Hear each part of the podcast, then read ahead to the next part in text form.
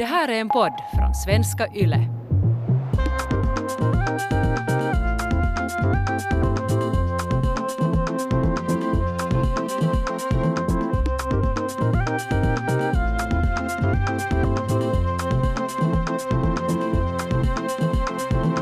Välkommen till Sällskapet, en kulturpodd med samhällsperspektiv. Sällskapet består av mig, Kia Svetihin, och den här gången sällskapar jag med Andrea Reuter och Elmer Bäck. Välkomna! Tack. Tack, tack.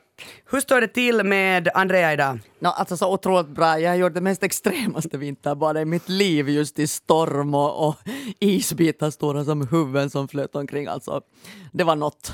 Men nu känner jag mig levande. Du har alltså valt att uh, gå och vinterbada en av de liksom, ja, för mig kanske mest extrema vinterdagar det här året. Det var Okej, liksom, det är plan- så många det var dagar, liksom men- planerat från tidigare. Så, det det, bara gällde måste. att inte chicken out. No, men var, det, var, var det ännu bättre eftersom det var så HC-väder idag? ja. Och också för att det var det sjuka, liksom den mest extrema.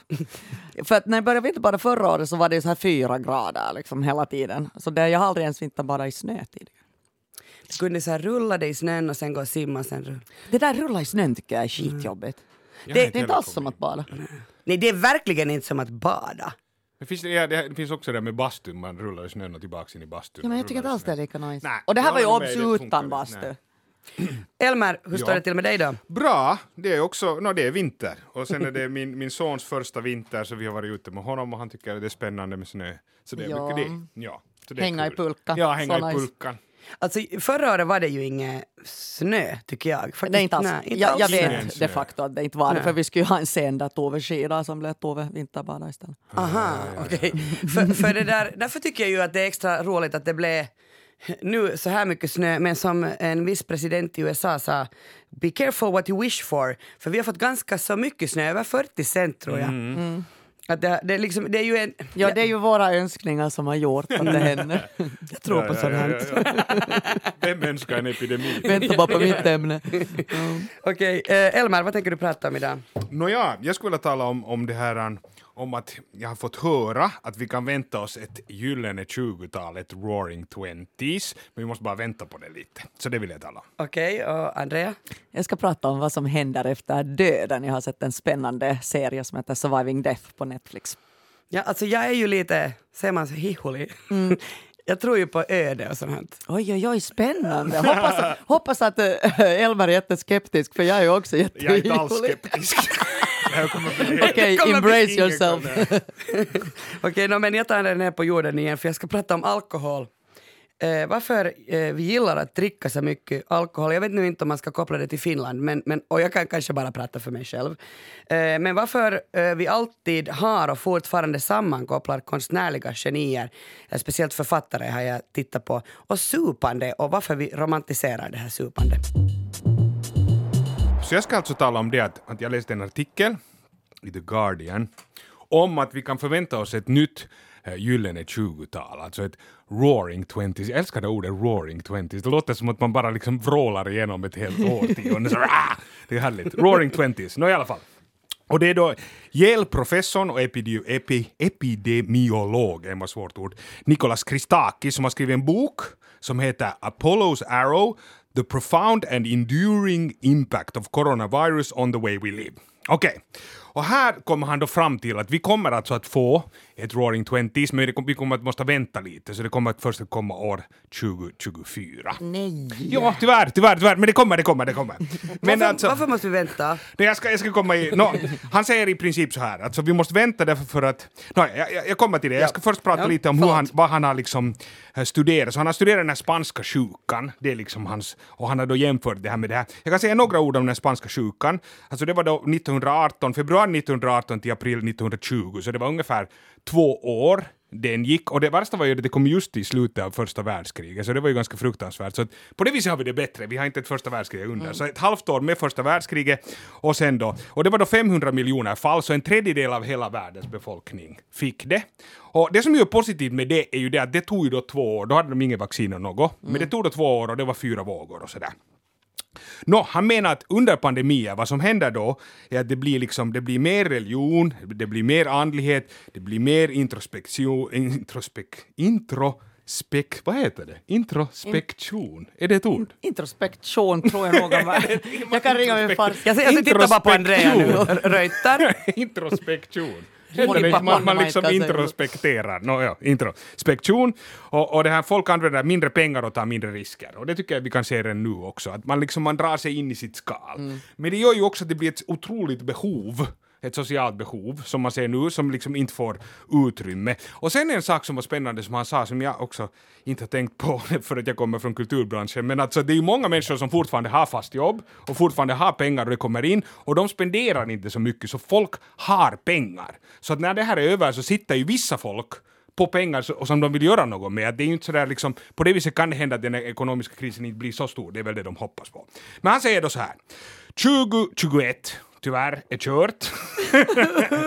För att nu, det här kommer att gå till vaccinering. Alltså, i år så händer ingenting egentligen annat än vi håller på med vaccinering och försöker så här. 2022 så kommer vi sakta att ta oss ur pandemin och liksom vi kommer ännu att ha lite liksom med det här att göra så här. 2023 går ännu till att ta oss upp ur det här ekonomiska hålet som vi har hamnat i, men sen 2024 så blir det liksom Bilet. biljett. Ja, han, han säger det blir, alltså ah, just det, biljett, det blir fest för hela slanten och det hände också efter, alltså det hände just efter den här Men förra pandemin. förlåt, det är så här många år! Men så är det, alltså, det här kommer vi inte ifrån, men det kommer. Och då blir det liksom fest och då säger de alltså, det blir teater, det blir konserter och det blir liksom sportjipp och det blir en otrolig, helt enkelt fest. Ja. Orgier måste det bli också. Det, no, han sa faktiskt det, det blir mycket sex. Ja. det blir det absolut. Och folk vill bara, bara tillsammans och folk vill liksom ha det kul.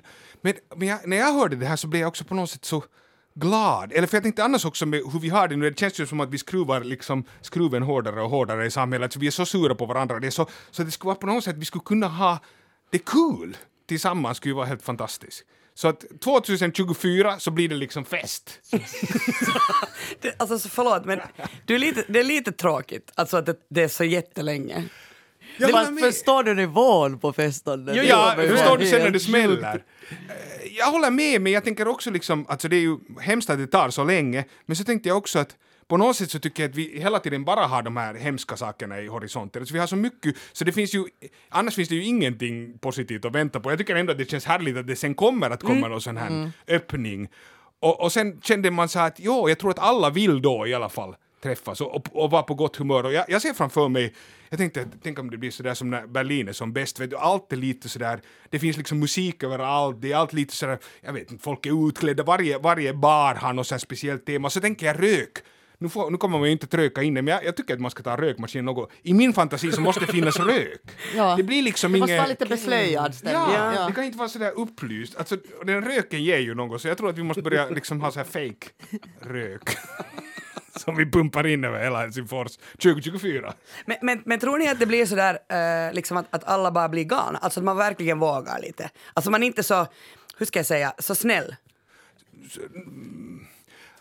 Alltså jag tror att ja, jag tror på det viset att det kommer att bli liksom mera fritt, liksom Ja, jag tror att folk kommer att våga ut. Jag tror att nu är vi jättemycket i sån här, liksom vad vi, vad vi går inåt och inåt, också i, i huvudet liksom, man, man ska inte göra så, man ska inte göra så. Jag tror att det kommer liksom att smälla upp en, ja, folk kommer att bli lite galna, men jag tror liksom på ett positivt sätt.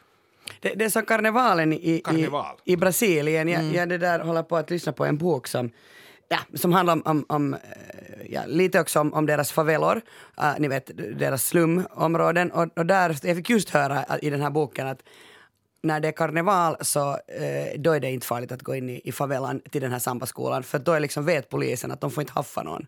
Och, och, och, och då vet också the drug lords att de kan liksom inte bete sig hur som helst för det är karneval, det är det en, en gång om året är det fest liksom. Då får man inte bråka med varandra. Och de är så sammanlänkade, favelan och sambaskolan och polisen låter dem vara i fred. Hey, men jag tycker att det är en jättebra idé. Vi skulle bara utlysa karneval. Ja. 2024, jag tycker vi ska alltså- ha det i Finland. Karneval, Alltså, just det där. Finland vinner VM, alltså, eller Finland vinner Eurovision. Det är ju liksom ingenting jämfört med meningen som kommer att vara Nej, då. nej. Men jag tycker att vi utlyser, det är jättebra. Och det är karneval och det är såhär, nej nej men nu, nu får man liksom göra lite, så länge alla är på gott humör. Ja. Och i den Alla- där favelan, det ja. här var dessutom i Rios Ja. farligaste favela som det här berättades om, så gör de också så att, att mitt i allt under karnevalen så kommer det massa så här små barer, öppnar upp, så plopp, plopp, plopp, plopp, plopp. Och alla är ute på gatan och de säljer liksom mat på gatan. Vet ni, tänk om vi skulle gör så i Finland, så en gång. Men det får inte vara i februari, eh, i januari eller februari om det är risk att det är så här snö. Det är bara så storm. mycket snaggare överallt. Det är bara tuplaporilainen för hela Ja, ja, ja, men tänk, alltså, vi skulle kunna öppna det. Men tänk om det är liksom just början av liksom vår, sommar, liksom maj, så skulle vi ha varför, varför kan vi inte börja ordna karneval? Jag tycker att det på riktigt är en jättebra det idé. kanske- Det ska vara två veckors, tre, fyra, Men- men- men- tre, två månader. Äh, sex år. Sex års karneval! Men vilken, alltså vilken tid på året ska vi ha karneval i Maj? Finland? Eller är det, är det för tidigt? Är det liksom, Men i det varje fall, varmare? i februari är den väl eh, i, i, liksom, i Latinamerika, men jag tänker att det Nej, är det dåligt. vara Det kan vi inte det kan vi inte Det, det är liksom, ja. Juli? Okej, okej. Ja, juli möjligtvis. Juli 2024. Så då, men då har vi, vänta, då har vi tappat ett halvår av det också, det året som Ja, ska men vara vi kan ju börja gå på alla OG-ställen ja, och, okej. och hålla på. Tror ni inte att det kommer ändå tidigare? Jag tänker ändå att jag har hopp för 2023. Ja, det kan, alltså det kan hända. Alltså jag tänker att så fort alla är vaccinerade måste det komma en första.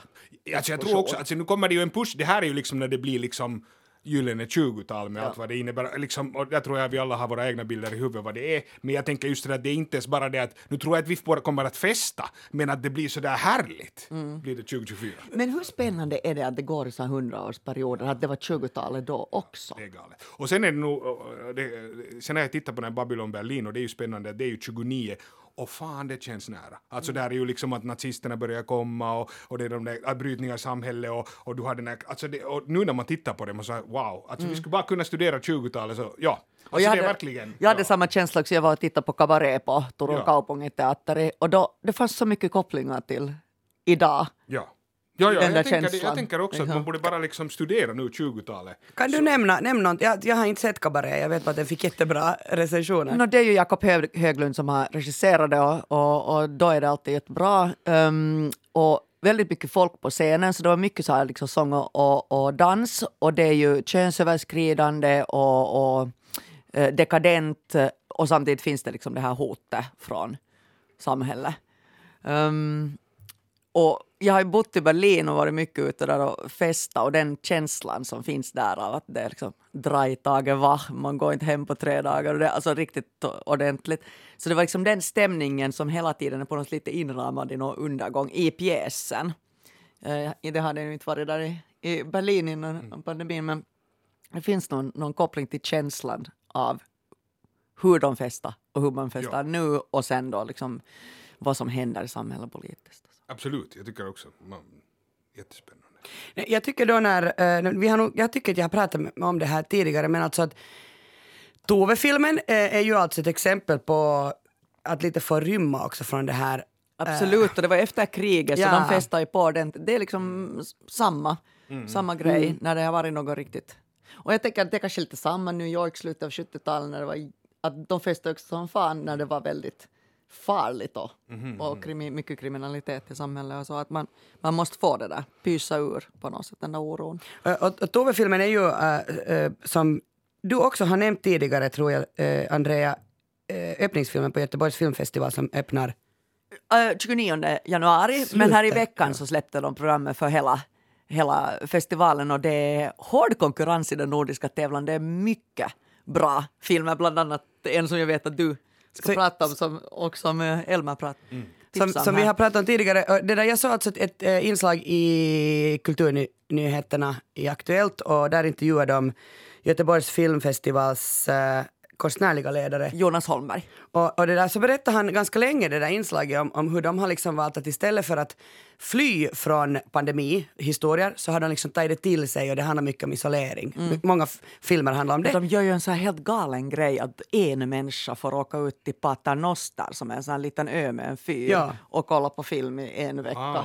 Åh, Och de har fått tydligen, deras server har kraschat, de har, alltså de har fått tusentals ansökningar varje dag och det har varit i alla internationella tidningar. Alltså fatta, så de går liksom ännu mera isoleringen. Det, är- Det, det är, jätte, ja, jä- jättecoolt. Och också hade de i någon, jag, nu minns jag inte vad den hette, men så här jättestort ställe så fick en människa komma Ja, in och titta på Draken, deras huvudbiograf som har typ Ah, 800 platser. Mm, Men jag skulle bli rädd, man ser en skräckfilm. Men, men då så, så, så frågade också redaktören så här, men, men varför, eh, varför liksom väljer ni att, att, att omfamna pandemin eller, eller isolering och de här historierna. Och då tog han som exempel Tove-filmen och sa att det gör vi inte alls. Att de har ju jättemycket andra filmer också. De har många isoleringsfilmer eller vad man ska kalla dem, men de har också mycket annat. Och han sa just att det är det här glada, det här, eh, som jag också kommer att komma in på då, kanske att de dricker ju en, en hel del och, har, och festar helt enkelt. De har roligt och det är det som de vill på något sätt visa. Fyra manliga gymnasielärare genomlider en 40-årskris när de bestämmer sig för att utforska teorin om att människan fungerar bäst med 0,5 promille i blodet. Och, och det där, I början går det bra och sen går det utför. Och det här är alltså en film som du, Elma, pratade om för en månad sedan. Då hade du sett den. Det är alltså filmen Druck eh, av Thomas Winterberg. Thomas Winterberg som bland annat har gjort en av mina favoritfilmer, Festen, Jakten, Submarino har ni pratat om också. Eh, och det där, eh, en av huvudrollsinnehavarna är Mads Mikkelsen. Och Thomas Bo Larsen tycker jag också man måste nämna för han är så sjukligt skicklig. Det är en väldigt bra film. Eh, den utgår från en faktisk teori av den norska eh, jättepopulära psykiatern och forskaren Finn Skårderud. Hans teori är alltså så charmig att vi väljer kanske att tro på den. Han uppskattar, han uppskattar att vårt reserverade beteende i ett nyktert tillstånd beror på det faktum att vi föddes med 0,5 promille i blodet. Och det är ju alltså en sak att vara jättefull, alltså superfull. Och sen är det en annan sak att ha 0,5 promille i blodet. Alltså när, när du har 0,5 så kan man inte köra bil, man kan kanske nu inte skriva författ... Ja, skriva, jag skulle säga så här analytisk text tror jag jag ska ha svårt med. Men man kan ha en trivsam middagskonversation. Och sen som i filmen så kan man också lägga ut texten om andra världskriget för uttråkade 18-åringar. Och det är det som Mads Mikkelsen gör. När man ser den där gnistan, den där lekfullheten eller en farlighet som tänder till ögonen på honom eh, när han går från uh, tristess till att vara skön. Vet ni den där när man, när man, dricker, man dricker sina två glas vin eller, eller vad, är det, vad är det som krävs för 0,5 promille? Nosot. Nosot, ja, ja nosohumala är det som han blir älskad det där ordet. Så det blir så här pirr i min kropp. Men, men jag är väl kanske en välfungerande alkoholkonsument. Uh, det här är en väldigt dansk film. Uh, den är präglad av uh, så mycket dansk, danska tron på att alkoholens frigörande och helande kraft och också att bakfyllan kan vara liksom rolig. men det är liksom kraschande äktenskap, nerpissande lakan, euforisk dans. Och den här filmen Dryck, eh, den tar upp liksom dryckenskapens olika sidor utan pekpinnar eller varningsetiketter. Och på det viset är det ju en lite märklig film. För alltså, man kan ju inte... Om du ska hålla din... Alltså jag tänkte så mycket på den Om du ska hålla din alkoholpromille på 0,5 så måste du konstant dricka. Du kan ju liksom inte bara dricka två glas vin för sen försvinner det. Ja, hur skulle du kunna hålla det? Ja, no, de dricker ju hela tiden och så Ja, har ja. de så här alkomätare i den här filmen då. Men vad händer? Jo, hälsan förstörs, karriärerna förstörs, relationerna förstörs, äktenskapssängar pissas ner. Och det där, det är svårt att hålla 0,5 promille hela tiden. Eh, Men det verkar som att Winterberg på något sätt, jag vet inte, alltså han vill söndra den här uppfattningen om att överdrivet drickande är dåligt. Men det finns till och med en scen i den här filmen där en lärare, en av de här fyra 40-åriga krisande männen, är sådär att hej, att om du är nervös så ta en grogg för att du ska göra det här provet. Och sen gör han det och sen klarar han det där provet. Alltså, då funderar jag ju nog så här, att vad vill Winterberg säga?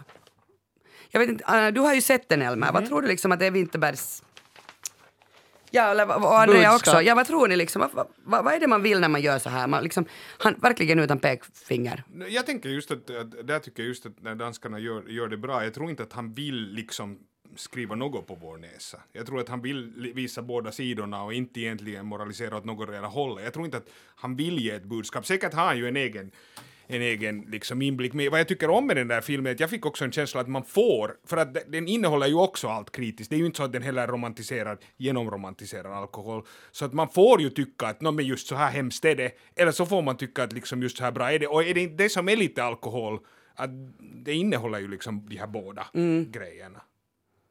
Det har varit alltså ganska mycket, tycker jag, artiklar, speciellt i Helsingin Sanomat om sådana här olika människor, speciellt från kulturbranschen, som har slutat dricka. De har varit nyktra kanske ett år. Och så skriver de så här att de har liksom uppfunnit livet, hitta hem. Uh, och, och det där, här för någon dag sedan så blev det ganska stor så här debatt faktiskt bland min generation, alltså 40-åringar. Mm. Så där vissa tyckte liksom att, att varför kan de inte någon gång göra en sån här artikel att det är helt okej att vilja gå och dricka öl men att det alltid handlar antingen om att du är jättenykter eller sen alla problem man får när man dricker för mycket Mm. alkohol. Nej, alltså de flesta människor, majoriteten fungerar ju ändå som alkoholdrickare. Men när man med problem så blir det ordentliga problem. Och sen måste jag säga, alltså från personlig erfarenhet så jag brukar ha någon månad här och där liksom på året som jag inte dricker och ibland lite längre. Och det är faktiskt en stor skillnad. Eh, och det är ju bevisligen att till och med ett glas vin påverkar sömnkvaliteten jättemycket fast man kanske inte skulle liksom märka det. Så Alltså det där med att man ska vara någon jätteduktig och inte dricka, och så, men det, jag, jag tycker att det på riktigt har jättestor skillnad när man, när man har tippat on. Men sen är det väl också just att, att man borde kunna leva, alltså all, all, för mycket av vad som helst är väl dåligt. Och det är väl problemet i vårt samhälle annars också att vi har tillgång till allt. Det är ju samma med alla saker. Socker alltså, mycket socker, ja. så mycket salt och för mycket fett och för mycket alkohol. För mycket, jag menar, det är ju det att, att, att Ja, men jag tycker också att problemet är att vi också lever i ett, vad det alltid är extremt, det är antingen allt eller inget liksom. Och mm, ja, med måtta kan man väl. Ja, och nu kan ju se, journalist kan ju säga att det är ju inte så intressant att skriva om det som är det vanliga, ja, det är Ja. uppenbart, det, det, det som är i mitten, det som varken skapar problem eller bekymmer. Men för att helt hoppa till, till liksom, ja, eh, eh, den, den, vad säger man, ääripää, vad heter det på Det svenska? extrema. Det, det extrema. Så eh, tänker jag att varför eh, super de stora konstnärliga genierna? Det kom en bok för ett par år sedan som hette Tillnyktring av Leslie Jamison. Hon pratar ganska mycket i den boken om sin egen alkoholism mot det upphöjda supande hos de här litterära giganterna. Hon säger liksom att ha, att ha kul utan sprit är någonting som man måste lära sig. Det är som att stärka en muskel som man aldrig har använt förut. Jag har aldrig tänkt på det eh, förut, att, att, att liksom att det går ju jättebra att, att ha roligt utan alkohol, man måste bara vänja sig vid det. Mm. Och så tror jag det har ganska mycket med ens personlighet, liksom hur introvert och extrovert. Att det kan ju vara att, att det är på riktigt stor skillnad i hur blyg man är, om man är väldigt blyg eller något sådant. Så det bör, jag tror att det har jättemycket med ens Men sen kan det vara svårt. grundläggande egenskaper att göra också. Ja, så kan det ju vara svårt att ha att göra om, alla andra dricker. Det är ju det att det blir ju lite tröttsamt att lyssna på någon som är dyngfull om man är helt nykter. Alltså det tycker jag är det största problemet. Inte att man inte kan ha roligt själv, men att om alla dricker runt om. Jag har några gånger just varit på bar, jag vill bara, alltså jag vill gå hem. Jag tycker Ja. det är jättetråkigt. Så att det är ju liksom mera det att Folk blir vi... ju inte smartare när de dricker. Nej, och sen om man lyssnar och folk går, och det gör jag själv också, man säger samma sak och samma sak och samma. Alltså det är ju inte så... Efter just kanske 0,5 är det ännu kul, men sen när det börjar gå därifrån upp så då vill man ju gå hem om man inte själv är med i den. Man blir ju som liksom lite nedsatt intelligent när man dricker. Jag menar det är ju helt, det handlar väl om hippocampus och pannlober och så vidare. Att, att det är ju inte liksom någonting konstigt kring det egentligen.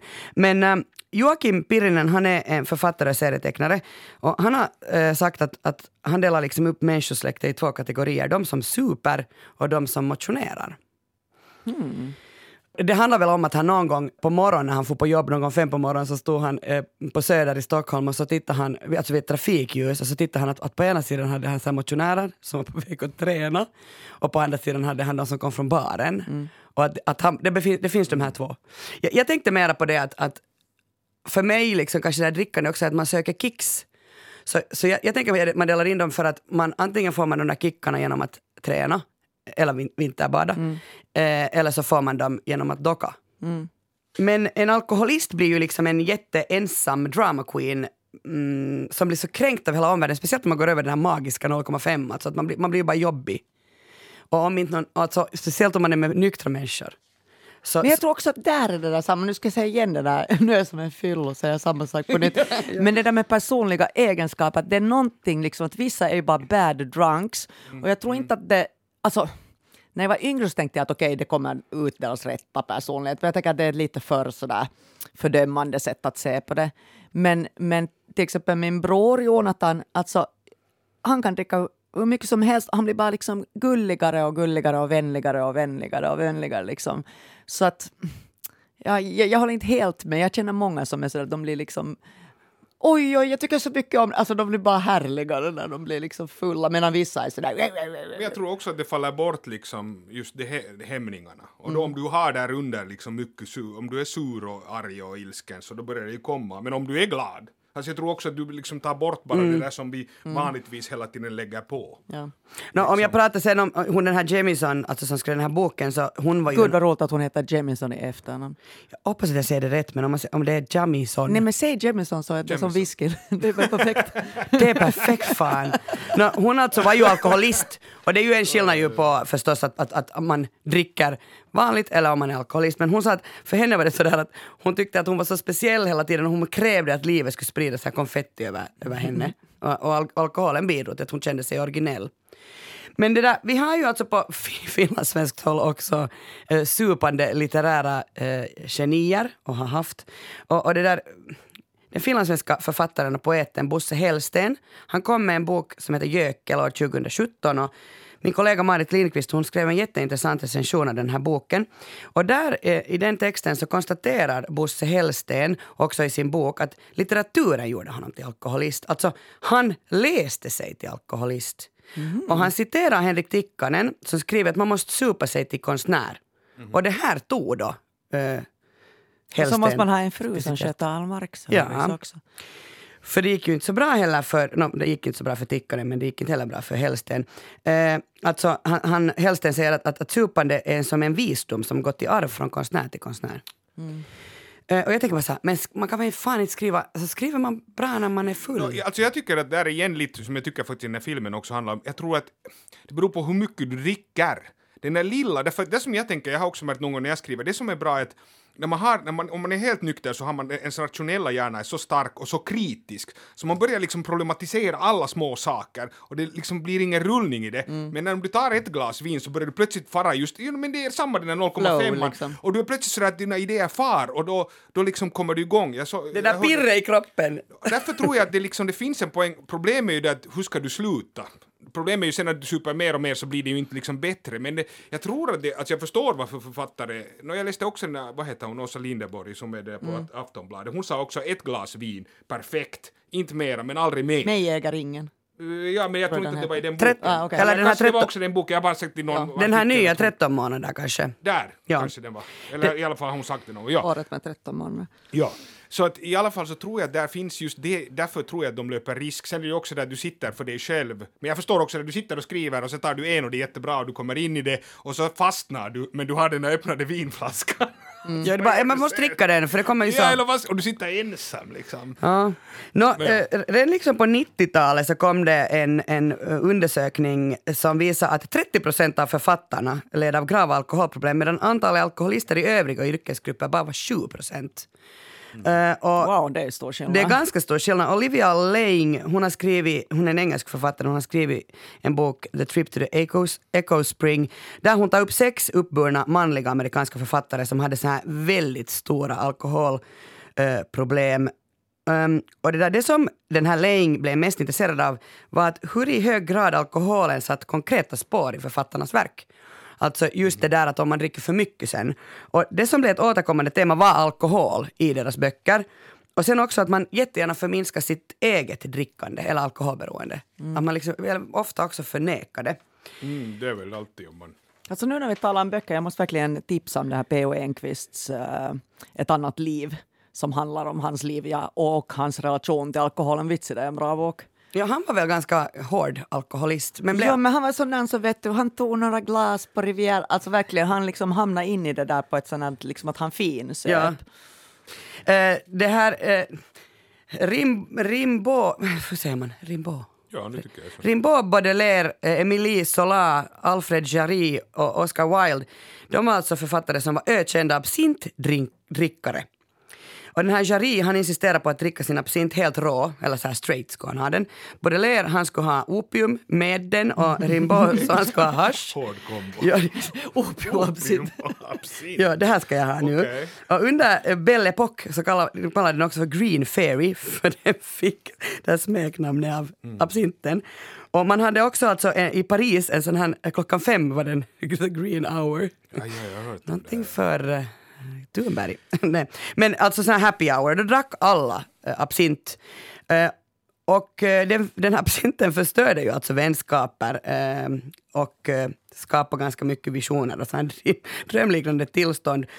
Men den här formar också symbolismen, surrealismen, modernismen, impressionismen och kubismen. Alltså så att det finns något bra i absinten. Men det här med att man alltså trodde att, att absint, att man blev galen av att dricka absint. Att det var så här galenskaper. Det handlar alltså nog mest om att de tog opium Ja, till Ja, den här, den här shotten. Eller att, att de ofta hade också eh, bland annat eh, syfilis. Så de blev sjuka och då trodde man att det berodde på absinten. Mm. Men hej, för mig är i varje fall den, eller vilken är den där största giganten som, som liksom dockar mest? Kanske P.O. Enquist för, För mig är det Charles Bukowski väl? Jag tänkte nog faktiskt på Henrik Tikkanen. och du tänker, jag tänker på Ernst Hemingway. Ja, no, han. Och han är väl lite så här, alltså, det är väl ganska sådär, det har tjatats mycket om det, men alltså han drack en no- normal dagsranson var en hel butelj whisky plus öl eller vin till maten. Oh my god. Jag kan inte förstå, alltså, men han var ju också, så, det var nästan suicidalt. Han drack så mycket. Jag hade en anekdot om den Duff McKagan då när de höll på med Guns N' Roses. Så då drack han väl två flaskor, för två flaskor whisky per dag. Och så var han så att han måste sluta med det här så att han går över till vin. Och då börjar han dricka 12 flaskor rödvin per dag. Och det är liksom sådär, för vin det är ju så soft. Men alltså, man Men måste jag ju... tror att han, nej men han, må, han, han, får inte dricka, ja, han får inte dricka en droppe mer. Alltså de har sagt åt han honom dör, att han typ, dör. ja. Men nu han, han är helt, han, det går ganska bra tror Ja, jag. alltså jag diggar ju också den där eh, Elton Johns diet när, han, när det var som värst. Så då drack han ju en stor flaska vodka och fem gram kokain per dag.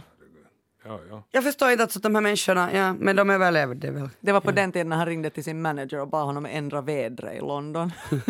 jag förstår att man tror att man kan. Det var faktiskt ganska bra den där filmen. om Rocketman, honom, tycker ja, jag. jag tycker Rocketman, förvånansvärt bra. Jag tycker att den funkar Jag gillar den också bra. Jag gillar jättemycket. den. Jag, jag tänkte en sak som jag också tänkte var intressant. Jag, jag var en gång hos en akupunktör och han sa en intressant sak om skådespelare. Han sa att skådespelare dricker därför för att de sätter igång känslor i kroppen som de sen aldrig hanterar efteråt. Alltså att om vi har ett stort gräl så det vanliga är att i något skede så liksom talar vi om det och så är det över. Men på scen så går du in och du går igenom jättemycket känslor och så är det som om det inte skulle ha hänt men de är i din kropp.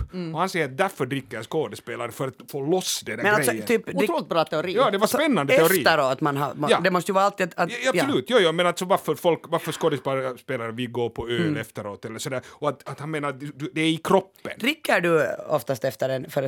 Nej, inte så mycket mer. Men alltså, nu har jag inte ens haft föreställningar för det har varit Nej, pandemi. Så, att- men alltså jag menar, nu, när gärna tar man en öl. Eller två, inte nu så att man inte brukar dricka, dricka. Men jag menar det är svårt också att gå och lägga sig direkt från Man blir väl så uppspelt Man är så man uppspelt och liksom- sen finns det ju något att man gärna skulle sitta med den man har haft den här upplevelsen med en stund. Så att en, två öl, gärna. För att lite lugna ner sig också, jag förstår det.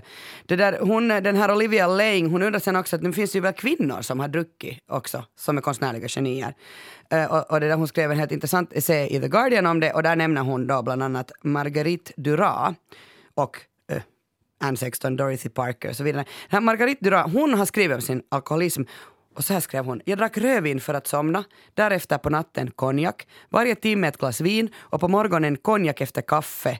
Och sen skrev jag. Det är förvånande att jag klarar av att skriva. Nå, när hon är 68 så drabbas hon av skrumplever och det är väl det man drabbas av om man dricker liksom två buteljer whisky. Eller okej, som hon då, massa konjak och vin. Och där, då måste hon sluta dricka och två år efter att hon slutade dricka alkohol så kom hennes mest uppskattade berättelser, Älskaren. Så det är ju kanske, säger väl också någonting, eller inte vet jag vad det säger. Men är det inte också det som är problemet om man dricker så där mycket, man kan ju inte få något ut av det mer. Eller jag tänkte också nu när det har varit den här pandemi och, och man är hemma så mycket, jag har inte druckit nästan någonting, så nu, nu när man dricker en öl så plötsligt man säger ja men nu är det ju kul. Och Men det är om Man, ja, och det, och det känns lite där pirret i kroppen, jag menar pirret försvinner väl, Eh, blir det Mm. inte som alla sådana här beroende att om man använder för mycket så blir det ju Så är det inte roligt mer? Nej. Nå, hej, vad hände med eh, Bosse Hellsten? Nå, han rannsakade då eh, sig själv och sitt mångåriga beroende av alkohol och tyckte att det mesta alltså gav honom skriv, kramp, skam och förnedring. Och sen börjar Bosse Hellsten att springa. Och jag följer honom på Instagram och njuter faktiskt av hans bilder. Och 2020 så sprang han nästan 3000 kilometer alltså på ett år. Så han dricker inte mer utan han motionerar. Ja, ja. Nåja, hej men den här Finn, äh, Finn Skårderud, den här psykiatern, så han blev alltså tillfrågad sen av Norska Dagbladet 15 år senare att vad tyckte du nu då egentligen om det här att du hade sagt i någon text att man skulle ha 0,5 promils fylla och det där, då säger han så här att nej, nej, nej. Alltså jag blev omba, ombedd att skriva ett förord till en bok eh, som heter Om de psykologiska effekterna av vin. Och i så, den här förordet så reflekterar alltså den här Finn Skårderud ganska essayistiskt om över alkoholens möjligheter. Men han betonar liksom att det här var en personlig reflektion. Det här var inte någonting som han... En rekommendation. En rekommendation till folket. Och, och han avslutar med att säga jag vill inte ge några rekommendationer alls hur man ska dricka. Men får jag fråga, för du sa i början att man föds med 0,5 procent, äh, promille. Är det här på kan man, något sätt alltså, eller på bevisat? vilket sätt, alltså föds man på rikt, alltså, eller, eller är det det liksom... Nej, men han har ju skrivit om det väl just därför att det handlar väl mer om så här, alltså att, Att han, det är filisen. Att det är filisen, att man ska ha 0,5 och när man inte har det så... Det var roligt ändå att man föds, det skulle vara roligt att man skulle kolla att man verkligen föds med någon slags alkohol. Jag tror nog att de som föds med 0,5 promille i blodet har mammor som har Ja, druckit för mycket och det är ju inte så roligt. Okej, nu får man spänna fast sig, för nu ska vi tala om den största gåtan av dem alla. Vad händer efter döden? Yes! Eh, så jag har alltså sett Surviving Death, en uh, sexdelar dokumentärserie på Netflix. Och den är otroligt välproducerad eh, och i mitt tycke seriös. Vissa, jag kan säga att det är olika avsnitt och vissa är nog liksom väldigt far out. Första avsnittet handlar om nära döden-upplevelser och så är det två stycken om medier och så är det tecken från de döda, spöken och reinkarnation. Och de där mittenavsnitten kan jag säga att Nåja, jag tänker koncentrera mig på nära döden-upplevelser och framförallt på reinkarnation. Och jag har varit jätte intresserad av nära döden-upplevelser länge och det är ett ganska bra wormhole på internet att börja på Youtube kolla på folk som håller föreläsningar. Och det finns ju flera väldigt så här, kända fall med folk som, som berättar sådär. Um, ehm, och, och det finns miljontals historier, det finns liksom genom hela mänskliga historien och från hela världen. Och de är framade på lite olika sätt, kanske beroende på vilken kultur, men liksom grundgrejen är, är densamma.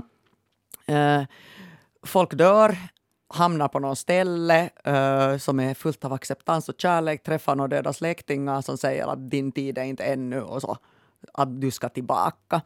Och det som är väldigt vanligt är ju att om folk dör på operationsbordet, att de liksom upplever, det har säkert alla hört, att de upplever att de svävar liksom ovanför.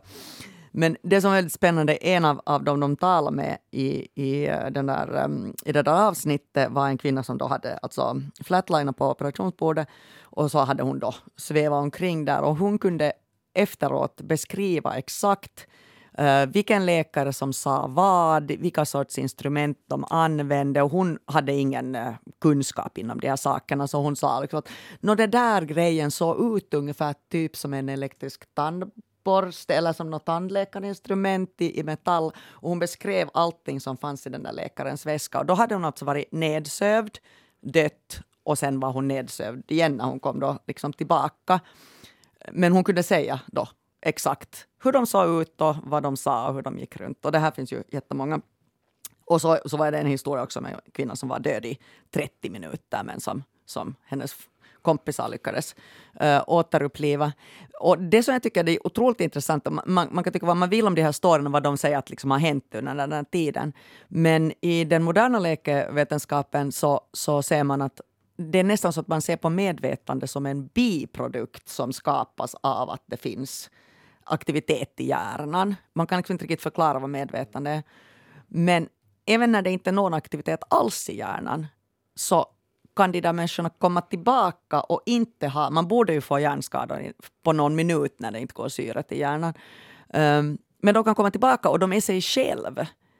Och allting är liksom intakt. Så på något sätt funkar hjärnan ändå lite som någon dator. Så när den är avstängd så finns allting ändå kvar där när man liksom sätter på det. Att vad är det där mänskliga medvetandet egentligen? Det tycker jag är en jätteintressant fråga.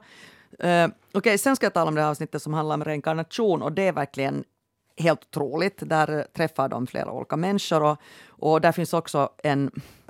Det är liksom gemensamt i alla de där historierna är att eh, det är små barn som i treårsåldern eller tidigare börjar ha otroligt mycket mardrömmar. Um, och, och är liksom helt jätteförtvivlade. Och sen när de börjar prata så börjar de först liksom prata lite om, om, om eh, ja då min andra mamma och så vidare.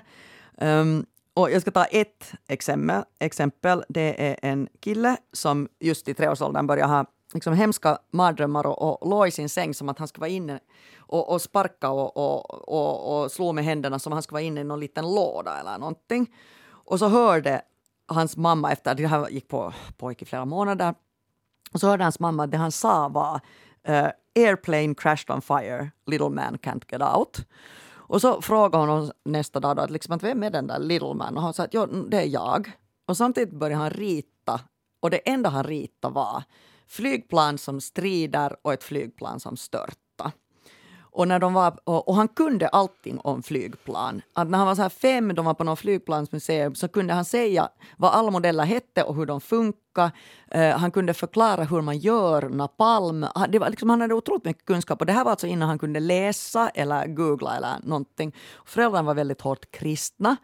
Um, och, men, men när mamma brukar prata med sin egen mamma som sa att, hmm, att han kanske minns ett tidigare liv och de var sådär, alltså no way och den pappan var liksom ett sådär, alltså det, det, här kan jag liksom verkligen inte. Men de började ändå skriva ner då liksom allting. Och så, så, så började de googla och hitta en, en um, forskare som heter Jim Tucker som är på University of Virginia som i 20 år har då samlat ihop sådana historier om barn som minns sina tidigare liv.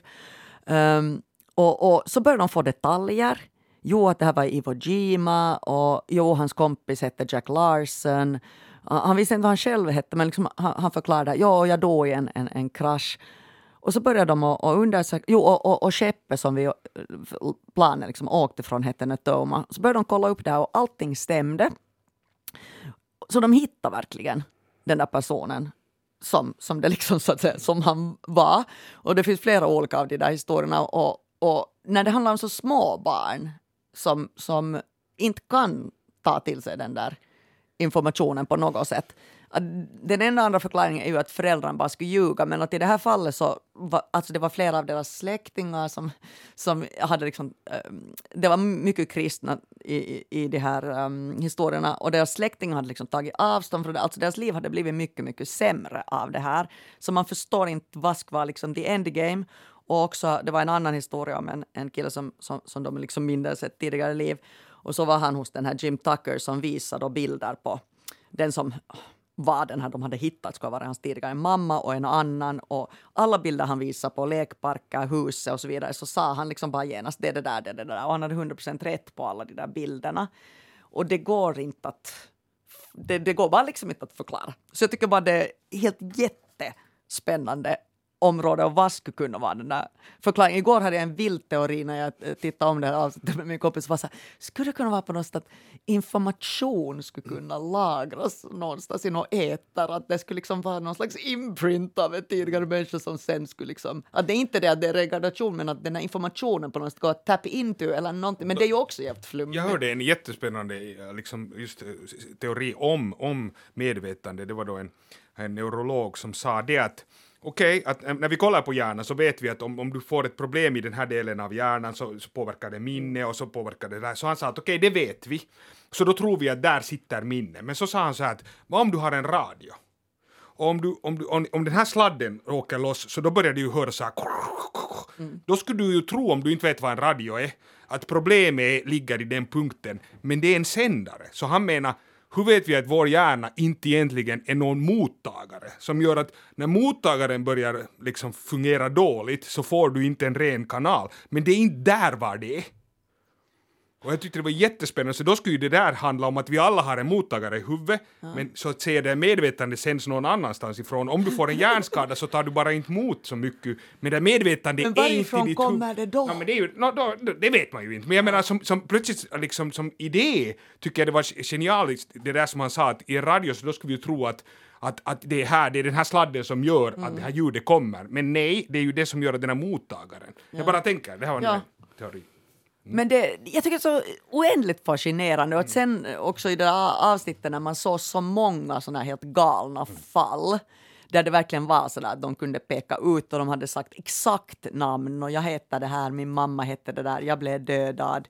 Han började få de där äh, mardrömmarna när han var ett och ett halvt den där som han då hade varit inom citat tidigare, hade blivit dödad i den åldern. Och det är också ett, en, ett barn i den åldern kan ju inte formulera några minnen.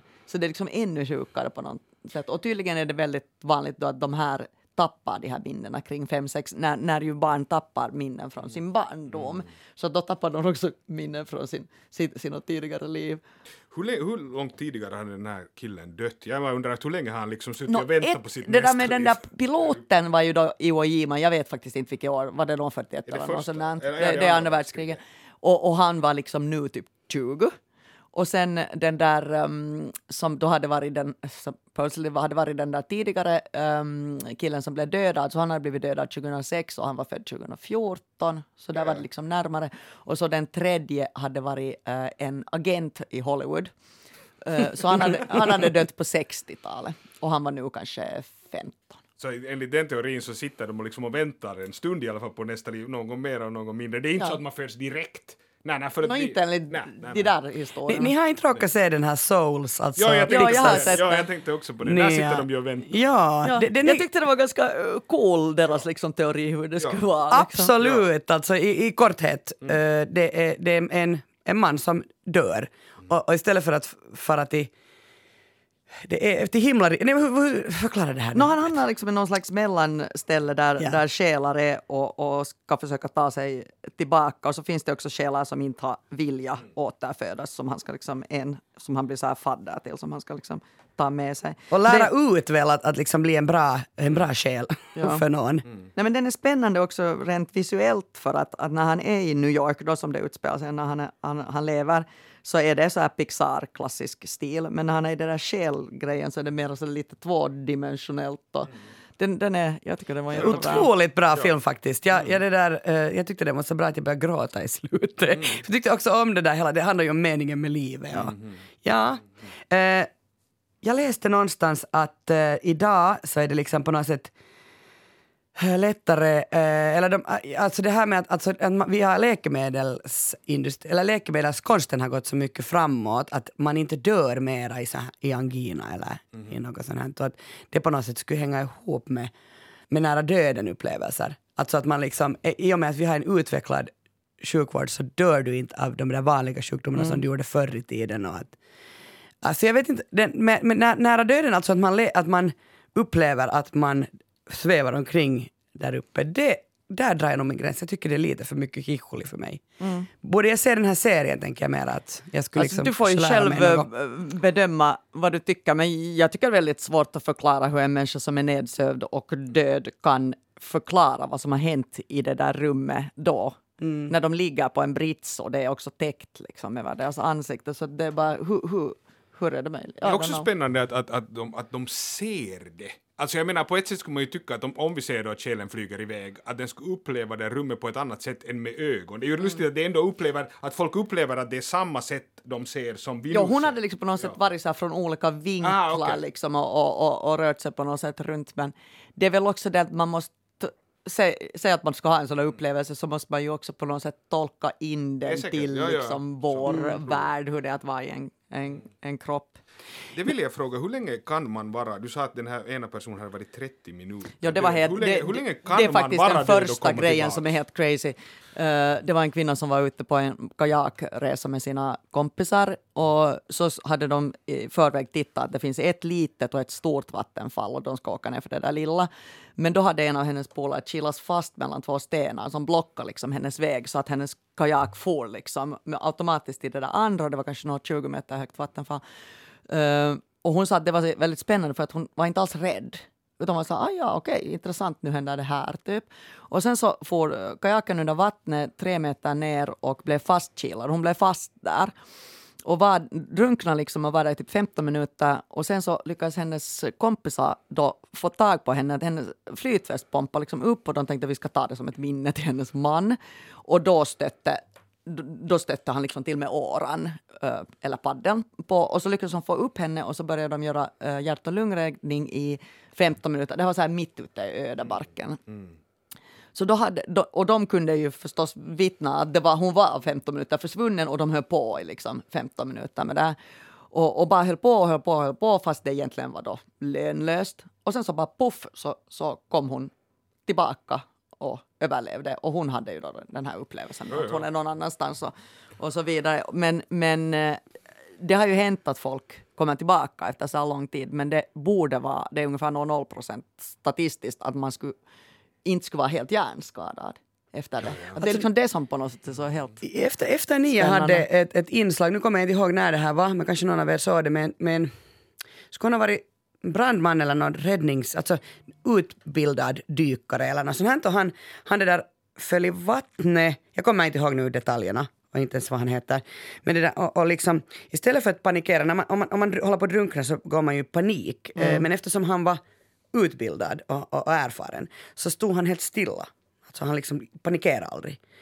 Så när de tog upp honom eh, så hade han liksom lyckats hålla eh, stressnivåerna no, så, så låga man nu lyckas. Och, och det var väl också någon form av så här nära döden upplevelse. Jag kommer ihåg att jag, när jag såg det där, det där inslaget så blev jag helt så bara wow. Eller han var gäst i, i Efter nio och själv där och berättade om det. Alltså att, att det är ju nog, ja, det är sjukt, och det vi vill säga om, om, om reinkarnation eller det att man liksom är liv efter döden, så tycker jag liksom att egentligen så varför får man inte tänka så? För, för mig är döden mycket mindre skrämmande om jag får leka med den tanken att man reinkarneras till något annat efteråt. Mm.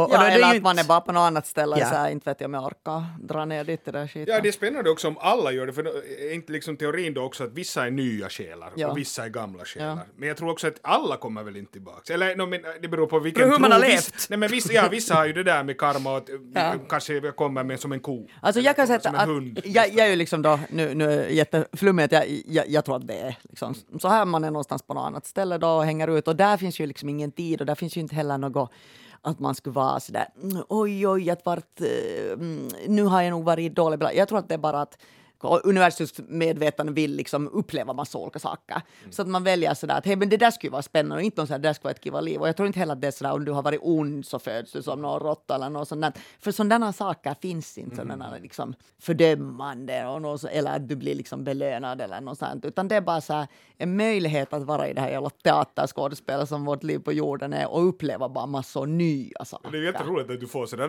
nu är det din tur, du blir en mygga och sen vet går det två timmar så är jag tillbaka. Så det var lite liksom jobbigt. Och sen kölapp. Och just det där att det är Vad det får jag man det nu? Att det är nu? Nej men också det att föds man genast på nytt eller är det hundratals år. Det har liksom Ja, ja. ingen skillnad för det finns liksom inte någon tid där i den där andra dimensionen. Nej, det där är ju spännande med tid, det tänkte jag också på just när man har den nära döden upplevelse säkert, för det ser man ju med drömmar också, att du kan ju drömma hiskeligt mycket under jättekort tid. Ja. Att säkert är det inte så stor skillnad om du är 30 minuter eller några sekunder, det- så kan du och- säkert uppleva hemskt Och det som de inte alls tog upp där, men som jag har läst i andra grejer, är att, att det finns en teori kring att, att när man dör så, så utsöndrar kroppen, det finns ju liksom DMT i kroppen som är en väldigt um, psykedelisk eh, substans som till exempel finns i, i ayahuasca, den där djungeldrogen.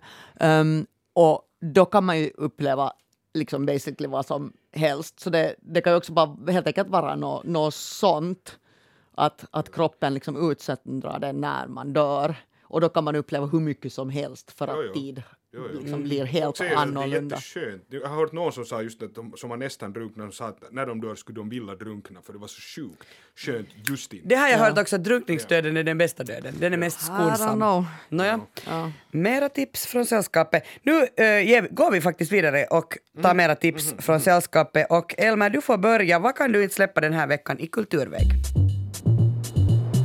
No, jag var redan lite inne på det, alltså, jag tänkte på det här Babylon Berlin, det går nu tredje säsongen på, på Yle Arena. Och jag tycker bara det, alltså, det, det är fantastiskt bra på alla sätt. Just det att det handlar om det här 20-talet, det känns jätte liksom, nära vår samtid. Samtidigt så det som är så genialt är just det att det handlar inte egentligen, det är liksom bara som en backdrop. Det är liksom en kriminalserie, jättefin sådan. Och så handlar det där i bakgrunden, är det liksom nazisternas frammarsch och det kommer snart den där börskraschen och allt sånt, men man koncentrerar inte sig på det. Och det tycker jag faktiskt liksom ett grepp som man skulle använda mera just nu för att förstå, för att jag menar just det där när vi lever också själv i den här tiden, så vi är ju inte inne i alla de här grejerna, men de är i bakgrunden. Så jag tänker att det där sättet att tala om vår samtidigt, samtid tror jag är det bästa om 20-talet, men sen egentligen tala om ganska normalt, normala människor, eller hur normala de nu är, de kriminal reportrar, inte reportrar, men ja. Bra tips. Andrea, vad, vad kan du inte släppa i kulturväg den här veckan? Eh, jag vill tipsa om en Netflix eh, komedispecial som heter Pardon My Icelandic med den isländska komikern Ari Eldjarn. Um, han, han pratar förstås otroligt mycket om Island, eh, men han pratar också mycket om, om Danmark och är perfekt på att härma hur danskar pratar engelska. Och sen, till min stora glädje, pratar han också om Finland en del. Varför det? Uh, no, no, han har en uh, jättebra bit om, om eh, myggor. Och, jag vet inte, han, han berättade om när han var i, i Finland. Men, så det, det är så igenkänning, men det är också lite så absurda element och det bara träffar rakt på min komiska muskel. Så jag har faktiskt sett om den den. Inom en vecka har jag sett den två gånger. Alltså jag, jag, jag skrek av skratt. Vad bra, för jag älskar stand-up. Jag, vet inte, det, jag älskar att titta på stand-up i TV. Jag tycker mer till och med om det än att göra det live. Men hej, jag tar eh, någonting eh, audio eh, eftersom vi har nu haft någonting ni kan titta på. Eh, jag har hört eh, här för någon dag sedan om eh, ett, eh, en nyhet om att ett finskt bolag sålde en satellit till det brasilianska flygvapnet och den här satelliten ska övervaka skogsavverkning i Amazonas men har nu börjat kritiserats eh, och ganska mycket också av Brasiliens rymdforskningsinstitut som säger att nej, att den där satelliten, eh, det här handlar om greenwashing och det är alltså Bolsonaros regering som egentligen försöker dölja skogsavverkningen i Amazonas med hjälp av den här satelliten. Nå ja, och det här passar ju bra då till mitt audiotips därför att jag har lyssnat på en otroligt intressant audio kortdokumentär på eh, Sveriges Radio. Drömmarnas Amazonas av Lotten Collin. Hon är det där deras eh, Latinamerika-korrespondent.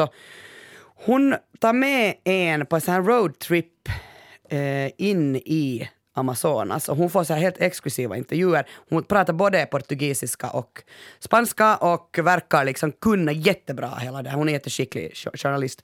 Så hon kan liksom landet, hon kan kulturen. Och den djupdyker i så här eh, kolonialismens eh, gummibaroner som alltså kanske nutidens guldgrävare. Och den ger också svar på hur kokainproduktionen i Colombia hänger ihop med bränd urskog och att största boven inte knark utan faktiskt det som vi väljer att lägga på vår tallrik. Så alltså Drömmarnas Amazonas av Lotten Collin. Jag säger tack till dig Andrea Reuter. Tack. Tack Elmer Bäck. Tack. Har ni lyssnare några frågor eller något på hjärtat så kan ni skriva på salskapet.yle.fi. Alla referenser och hänvisningar hittar du i avsnittsbeskrivningen på arenan. Nästa vecka sällskapar jag med Ellen Strömberg och Biffen Ahonen. Vi hörs, hej då!